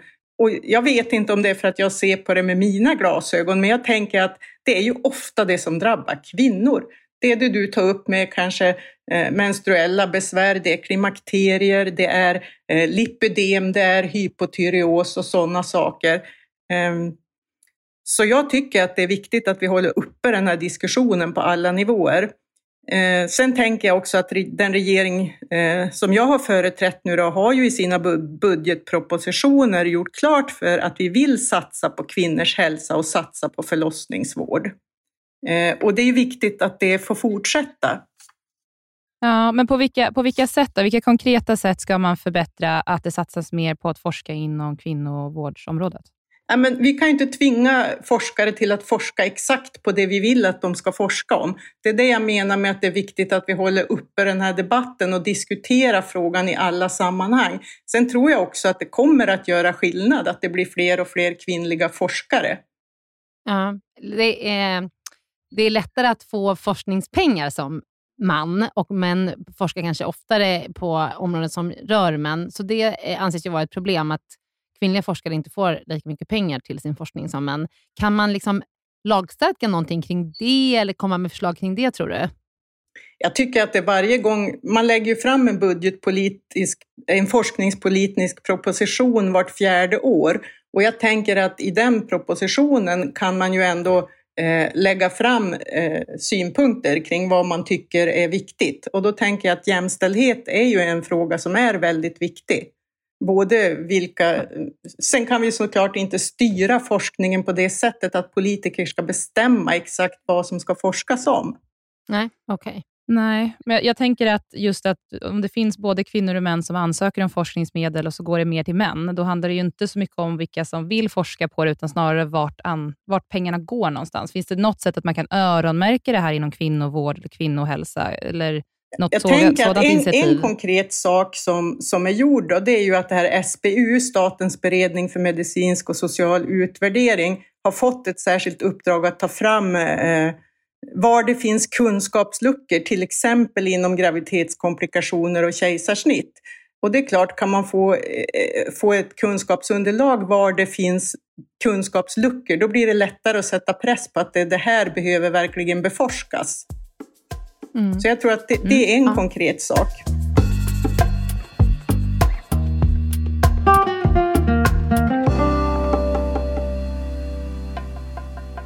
Vi vet att eh, Socialdemokraterna står bakom svensk abortlagstiftning. Men vi vet också att i andra partier och eh, har liksom, kommer det ju fram ibland i media att det råder diskussioner kring abortlagstiftningen och att man ska kanske sänka abort, eh, eh, alltså tiden för när man har rätt till, fria, eller till att göra en abort. Är det någonting som diskuteras i ditt parti? Nej, men alltså för oss är det ju självklart. Vi har ju under en väldigt lång tid stått bakom kravet på fria och säkra aborter och utgångspunkten ska ju alltid vara att det är varje kvinna själv som ska bestämma över sin egen kropp och om det ska vara en abort eller inte. Så vi har ju inga förslag på att förändra det på något sätt. Nej och inte förändra abortlagstiftningen på något sätt? Alltså förändra abortlagstiftningen, alltså det, då tänker jag, då handlar det ju om det här med metoder för abort. För den här lagstiftningen mm. är ju sedan 75 eh, och nu hör jag ju att det finns önskemål om att kunna till exempel genomföra hela aborten i hemmet. Mm. Eh, och det tänker jag, det har inte med själva rätten till abort att göra, utan det har ju att göra med vilken metod man använder för att göra abort. Och då tänker mm. jag att, att kan vi få eh, tryggt beskrivet för oss att det här kan göras på ett säkert sätt för kvinnan, då kan inte jag se att det finns något hinder för att man skulle kunna genomföra aborten i hemmet. Men det handlar som sagt inte om att riva upp hela abortlagstiftningen. Det är jag jätterädd för, för jag är rädd för att det finns högerkonservativa krafter som inte alls vill ha en sån generös aborträtt som vi vill ha. Hur ser ni på att föra in abortlagen i grundlagen? Tidigare skulle jag nog ha sagt att det är bra som det är, men i, i dagsläget så tycker jag faktiskt att det är nog en bra idé. Var står ert parti i förlossningsvården? Det är ju en ständigt aktuell liksom, debatt i hur förlossningsvård bedrivs i Sverige och det är många, på många mindre orter där förlossningsavdelningar och BBs har lagts ner och man har slagit ihop till större enheter. Vad, vad tänker du att Socialdemokraterna vill göra för att kvinnor i Sverige ska känna sig trygga att föda barn?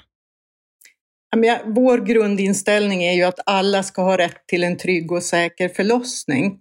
Eh, sen tar du upp det här med, med att det har stängts på någon ort och så vidare.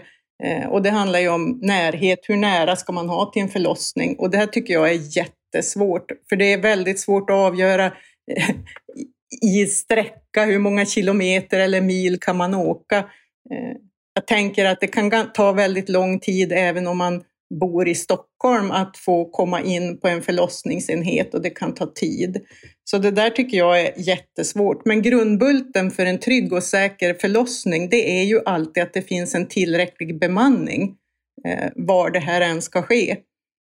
Och så tycker jag att eh, det är bekymmersamt när man ser till exempel att man i Region Stockholm lägger pengar på hög då, istället för att satsa på förlossningsvården. Det känns inte bra. Hur säkrar vi att det finns en god bemanning av barnmorskor till exempel som nu flyr förlossningsvården i stora delar av Sverige? Ja, men det finns ju ingen quick fix på den, tänker jag. Jag har ju själv jobbat i vården. Jag vet att det handlar väldigt mycket om arbetsmiljö och arbetsvillkor. Eh, jag har ju som sagt inte jobbat som barnmorska, men jag tror att de upplever det på samma sätt. Det är oerhört stressande att känna att man inte får göra ett så bra jobb som man skulle kunna ha gjort om man haft tillräckligt antal patienter, om man har varit tillräckligt många arbetskamrater. Jag tror att det är en stor orsak till att barnmorskor känner att de inte orkar med helt enkelt. Man får inte göra ett tillräckligt bra jobb som man tycker själv. Mm. Och då handlar det ju såklart om att kan man göra? Ja, Ja. men vi måste utbilda fler barnmorskor naturligtvis. Se till, och då gäller det ju också att det finns eh, utbildningsplatser för alla, att det finns praktikplatser. Eh, sen är det också viktigt att de barnmorskor vi har måste vi ju se till att de vill stanna kvar. Så det är flera, flera områden som behöver bli bättre helt enkelt. Och framför allt inte glömma bort den här viktiga frågan om lön, för den är inte oviktig. Mm. Hur ska man få dem att stanna kvar då? För det är väl det som är det konkreta just nu, att det finns ju barnmorskor, men de väljer att sluta på de stora regionsjukhusen för att det inte är eh, en, en bra arbetsplats.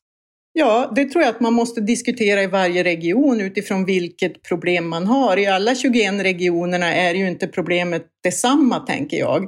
Eh, det kan handla om arbetsvillkor, det kan handla om schemaläggning, det kan handla om lönefrågan. Eh, men framför allt tror jag att det handlar om att man vill känna att man kan klara av att göra ett bra jobb. Och det tror jag man måste diskutera med barnmorskorna själva i regionen.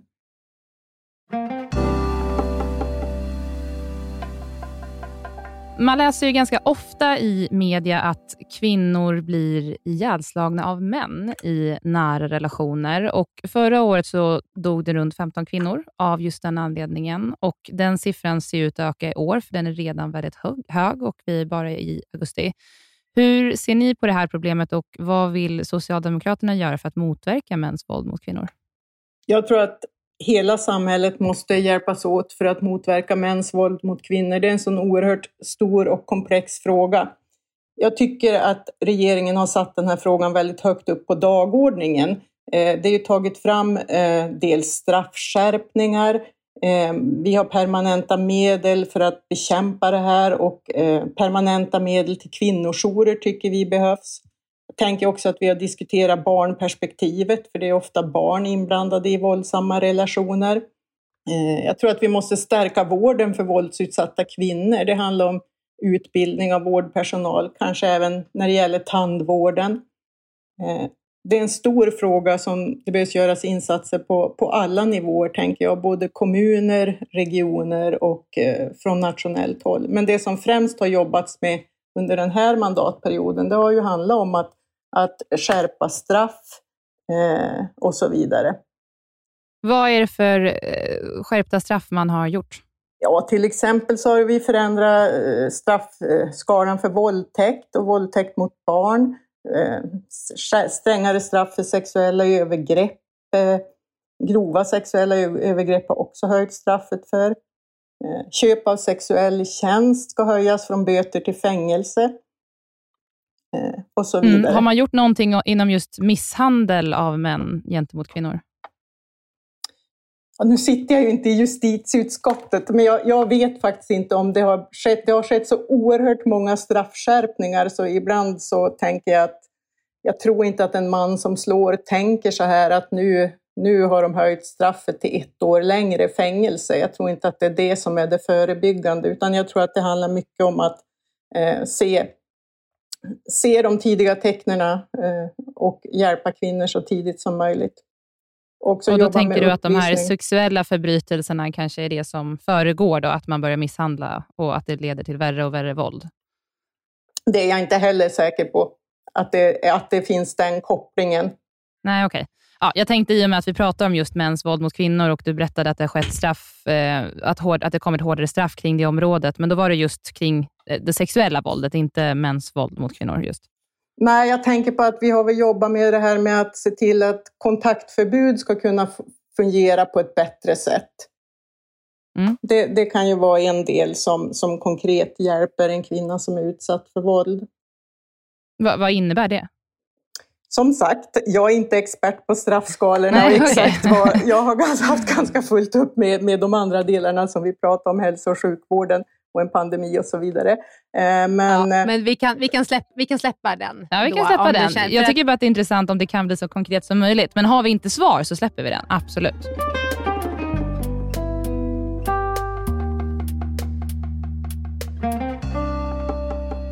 Då Kristina kommer en fråga som jag tror att du kommer kunna svara på.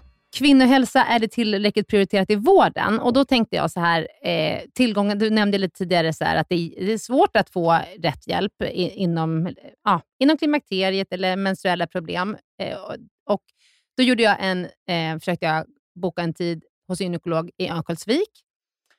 Och Då finns det bara på sjukhuset och det finns en privat mottagning men som inte har regionsavtal utan man får betala liksom ur egen ficka. Och det är klart, sådana lösningar kan man liksom alltid ha, att kvinnor ska betala för sin vård, även fast det blir ju då rätt odemokratiskt för alla har ju inte råd med det.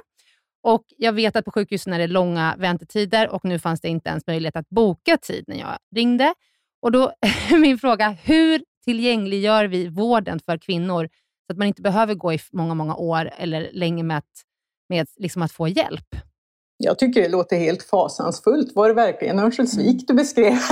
Där jag ja, bor? det var det. Nej, men, ja, men det här Finns har det jag hört. Jag är med i Facebookgrupper och sånt där, där man diskuterar Ja. just den här typen Ja. av problem. Och jag har förstått att det är oerhört svårt att få komma till Mm. en gynekolog. Och inte bara att få komma till en gynekolog. Det är också svårt att, att, att få ett bemötande som man känner sig eh, bekväm med. Mm. Och det är klart, det är naturligtvis inte bra. Nu har vi jobbat väldigt mycket den här mandatperioden med att stärka primärvården att primärvården ska vara navet i, i, i medborgarnas hälso och sjukvård. Och jag tänker att eh, vissa eh, av de besvären bör kunna hanteras av primärvården och skickas vidare de fall som behöver skickas vidare. För jag tänker också att man ska ha ett omhändertagande på rätt, på rätt nivå i Mm. varje situation. Men kvinnor som vill träffa en gynekolog kan inte det i stora delar av Sverige. Är inte det ett problem? Det låter som ett problem när du tar upp det, men jag, sitter och, jag, tänk, jag tänker faktiskt Mm. nu, om jag vill träffa en ortoped så kan ju inte jag Mm. ringa en ortoped var som helst heller och få träffa den vad jag vet. Så att jag är inte så säker på det. Jag, jag tror att om man har en hög kunskap i primärvården ska de kunna ta hand om eh, det som och, och se vilka behöver en specialist. Okej, så det är till primärvården man ska gå med eh, ja, men de här liksom, stora bulk, bulken av problem som kvinnor har, som klimakterie, mens, PMS, eh, sexuella besvär. Endometrios. endometrios. Mm. Jag tror i alla fall att man borde kunna få en första bedömning och få, få hjälp att se, vi- behöver alla komma till en specialist? Det är jag inte säker på. Nej. Jag tror att SFOG, alltså Sveriges förlossningsläkare och gynekologer, vi försöker ju kämpa för att kvinnor ska få träffa gynekologer i större utsträckning. För vi tycker inte, dels så tycker vi att vårdcentralerna har väldigt mycket liksom, arbete. De har så många områden som de ska ta hand om att de har svårt att vara uppdaterade på hur man behandlar klimakteriet på bästa, bästa sätt till exempel. Men ni tycker, eller du tycker ändå att kvinnor eh, bör inte bör ha det kravet att man ska få träffa en gynekolog om man har de här besvären, utan att man ska gå till sin vårdcentral. Ja, jag tycker faktiskt det. Mm. Ja. I alla fall i ett, in, i Ja. ett, i ett inledande besök. Mm. Ett första besök. Jag tror att det är viktigt att primärvården ska vara vägen in i hälso och sjukvården. Och behöver jag sedan en specialist ska jag naturligtvis ha tillgång till det. Men jag är osäker på att alla behöver det. Ja. Då behöver man, det, har, det har ju kommit en rapport ganska nyligen från Socialstyrelsen som, som visar på att eh, primärvården inte fångar upp eh, klimakteriebesvären och att väldigt mycket kvinnor som har klimakteriebesvär blir feldiagnostiserade för att man inte ja, men har den kunskapen i primärvården och att det fanns ett stort behov av en förändring. Eh, hur, ser ni, hur ser ni på den förändringen? Och vad, vad behöver man göra? Nej, men jag vill naturligtvis att kvinnor ska få så bra vård som möjligt. Eh, och finns det kunskapsunderlag som kan säga att eh, man, kan, man kan inte få den här hjälpen på en vårdcentral, då får jag väl omprioritera mitt ställningstagande där. Men jag, jag tänker att jag tänker inte bara klimakteriebesvär nu, utan jag tänker specialistvård kontra primärvård i stort. Ja, mm. men vi fokuserar lite på klimakteriebesvären här, för att de, eh, de kvinnorna är så många och just för att det underlaget finns mm. som en rapport från Socialstyrelsen som alldeles nyligen är gjord. Jag tänker att man kan ha ganska mycket hjälp av att träffa en barnmorska som till exempel är välutbildad när det gäller klimakteriet. Det kan vara en, en nog så bra eh, hjälp i vissa fall. Eh, mm. Som också kan vara en, en del i klimakterievården. Jag har själv fått eh, bättre hjälp av eh, via barnmorska än via någon annan om man säger så. Så att, att man ska mm. behöva skicka människor till en specialistutbildad läkare, att alla ska behöva det, det har jag svårt att se. Finns de på vårdcentraler, barnmorskorna? Nej, på barnmorskemottagningar. Får man komma till barnmorskemottagningarna då, om man ska gå till primärvården? Eh, man kan ju boka en tid på en barnmorskemottagning, men barnmorskor kan inte sätta in eller behandling mot klimakteriet. Nej. Jag tänker att ibland kanske ja. vi är lite fasta i de, de eh, strukturer som finns idag. Jag tänker att det finns mm. väl ingenting som säger att i framtiden skulle det kunna finnas en klimakteriekunnig barnmorska som jobbar vissa pass på en vårdcentral. Jag tror att det är lite så mm. vi kommer att tänka i framtiden. Kanske också mm. att en eh, specialistläkare, gynekolog någon gång eh, eh, stöttar vårdcentralen och kan finnas på vårdcentralen. Eh, jag tänker mm. att vi är lite fasta i vårt tänk att det ska alltid vara som, som det har varit väldigt länge. Att, mm. att specialisten är på sjukhuset och vårdcentralen är något eget som man får ja. remittera ifrån. Det kanske går att samverka ja. på ett annat sätt. Mm. Ja, hoppas att den, den förändringen kan drivas. Då, för att nu, nu är det ju, ja, enligt den rapporten i alla fall, så är det katastrof för kvinnor som går igenom klimakteriet och har mycket besvär. Så att, um, för alla kvinnors skull så hoppas man att den förändringen vi får driva på, på den. Ja, exakt. Jag tänker att har man väldigt mycket och väldigt stora besvär, då är det ju rimligt att man får besöka en specialist. Mm. Ja, men de hittar man ju inte. Så det är ju svårt för kvinnor. Mm. Alltså det vet vi ju. Vi har ju, I Gympodden så får vi ju hur mycket meddelanden som helst från de här kvinnorna som, inte, som står i åratal i kö för att komma till kvinnokliniker och aldrig kommer fram och de får ingen hjälp i primärvården med det här. Så att vi, vi hör ju dem mm. eh, hela tiden. Vi är ju i Sverige ändå i framkant när det kommer till jämställdhet eh, när, mellan könen och eh, vi undrar hur ert parti tycker att Sverige kan påverka jämställdheten i världen. För att nu blåser det ju mycket negativa vindar den, den senaste tiden. Eh, dels i liksom Afghanistan och eh, det som händer med abortlagen i, i USA. Eh, hur, hur ser ni på att Sverige kan påverka det här utanför landets gränser? Ja, men jag tror verkligen att vi kan påverka. Dels genom att, att vara en förebild naturligtvis och, och jobba så bra som vi bara kan här på hemmaplan. Jag tror inte att det är oväsentligt att vi, vi har en regering som har liksom sagt att vi ska föra en feministisk utrikespolitik. Att orden mm. faktiskt har betydelse. Och att vi ska arbeta aktivt för en mer jämställd värld. Eh, så jag tänker mm. att det är två delar, både vara förebild och visa att, att vi kan göra det själva på ett bra sätt, men också att eh, till exempel eh, via bistånd, att vi kan rikta bistånd till sånt som, som gynnar jämställdhet. Då. Och där är jag ju lite bekymrad när det nu är flera partier som pratar om att man vill ja, ta bort så mycket bistånd. Man pratar bara om att vi ska gynna, gynna, gynna Sverige. Jag tror faktiskt att det är viktigt att vi fortsätter att kunna eh, bidra i andra länder. Vad Sen tänker du att man kan svårt. rikta biståndet till då? Ja, till exempel till organisationer som jobbar, emot, jobbar på plats emot till exempel omskärelse av flickor och sånt mm. där. Eh, det är väl en del. Men också att man kan rikta bistånd till att ge kvinnor möjlighet till egen försörjning, som vissa mm. organisationer mm. arbetar med. För jag tänker att eh, grunden till jämställdhet är ju också ekonomisk frihet. Såklart. Mm. Gör vi det idag? Vet du det? Ja, jag är inte utrikespolitiker heller, så jag är definitivt inte någon expert på det. Du vill att du ska jo, kunna jag, allt. Jag vet, att vi, jag vet att vi riktar pengar till organisationer som jobbar med, med att, ja men, vi har mikrolån till kvinnor till exempel, som kan handla ja. om att, inte vet jag, de behöver köpa någonting för att kunna bli självförsörjande. Så, så det tror jag är viktigt. Det var det. Tusen tack Kristina för svar på alla, på alla frågor som vi hade här. Det var väldigt många frågor som jag inte känner att jag är expert på. Nej, du vi har ett stort liksom, kvinnofokus och så Mm. sträcker det sig lite från ja, men kvinnovård och hälsa, men också jämställdhet och mäns våld mot kvinnor. och så där. försöker vi lyfta överlag på agendan. Men tack, jag tycker att du har svarat jättebra. Tack Ja. för din tid Kristina. Ja, och tusen eh, lycka tack. till i valet.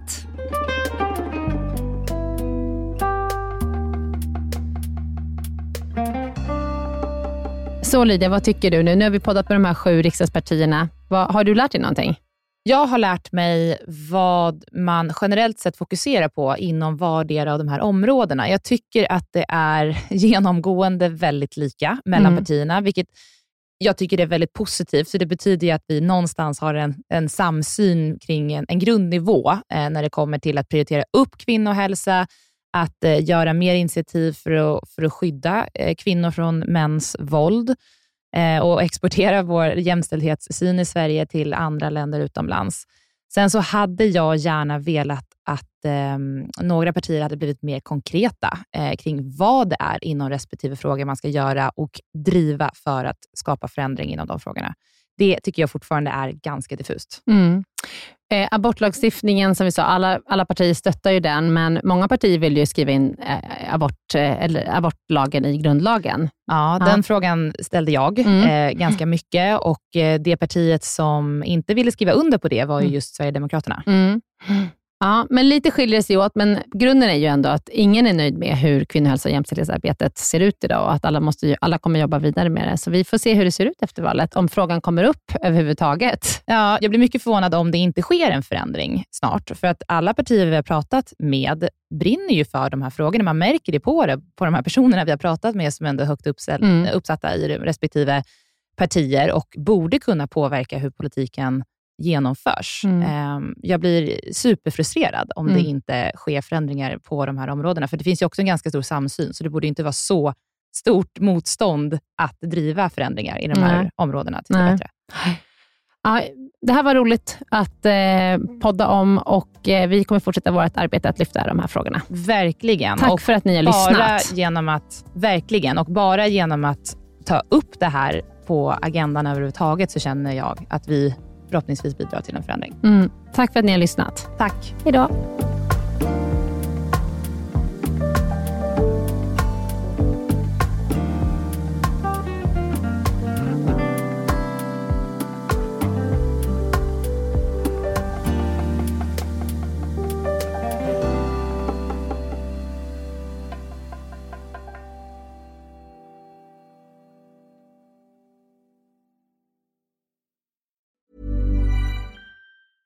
Mom deserves the best, and there's no better place to shop for Mother's Day than Whole Foods Market. They're your destination for unbeatable savings, from premium gifts to show-stopping flowers and irresistible desserts. Start by saving 33% with Prime on all body care and candles. Then get a 15-stem bunch of tulips for just $9.99 each with Prime. Round out Mom's menu with festive rosé, irresistible berry chantilly cake, and more special treats. Come celebrate Mother's Day at Whole Foods Market.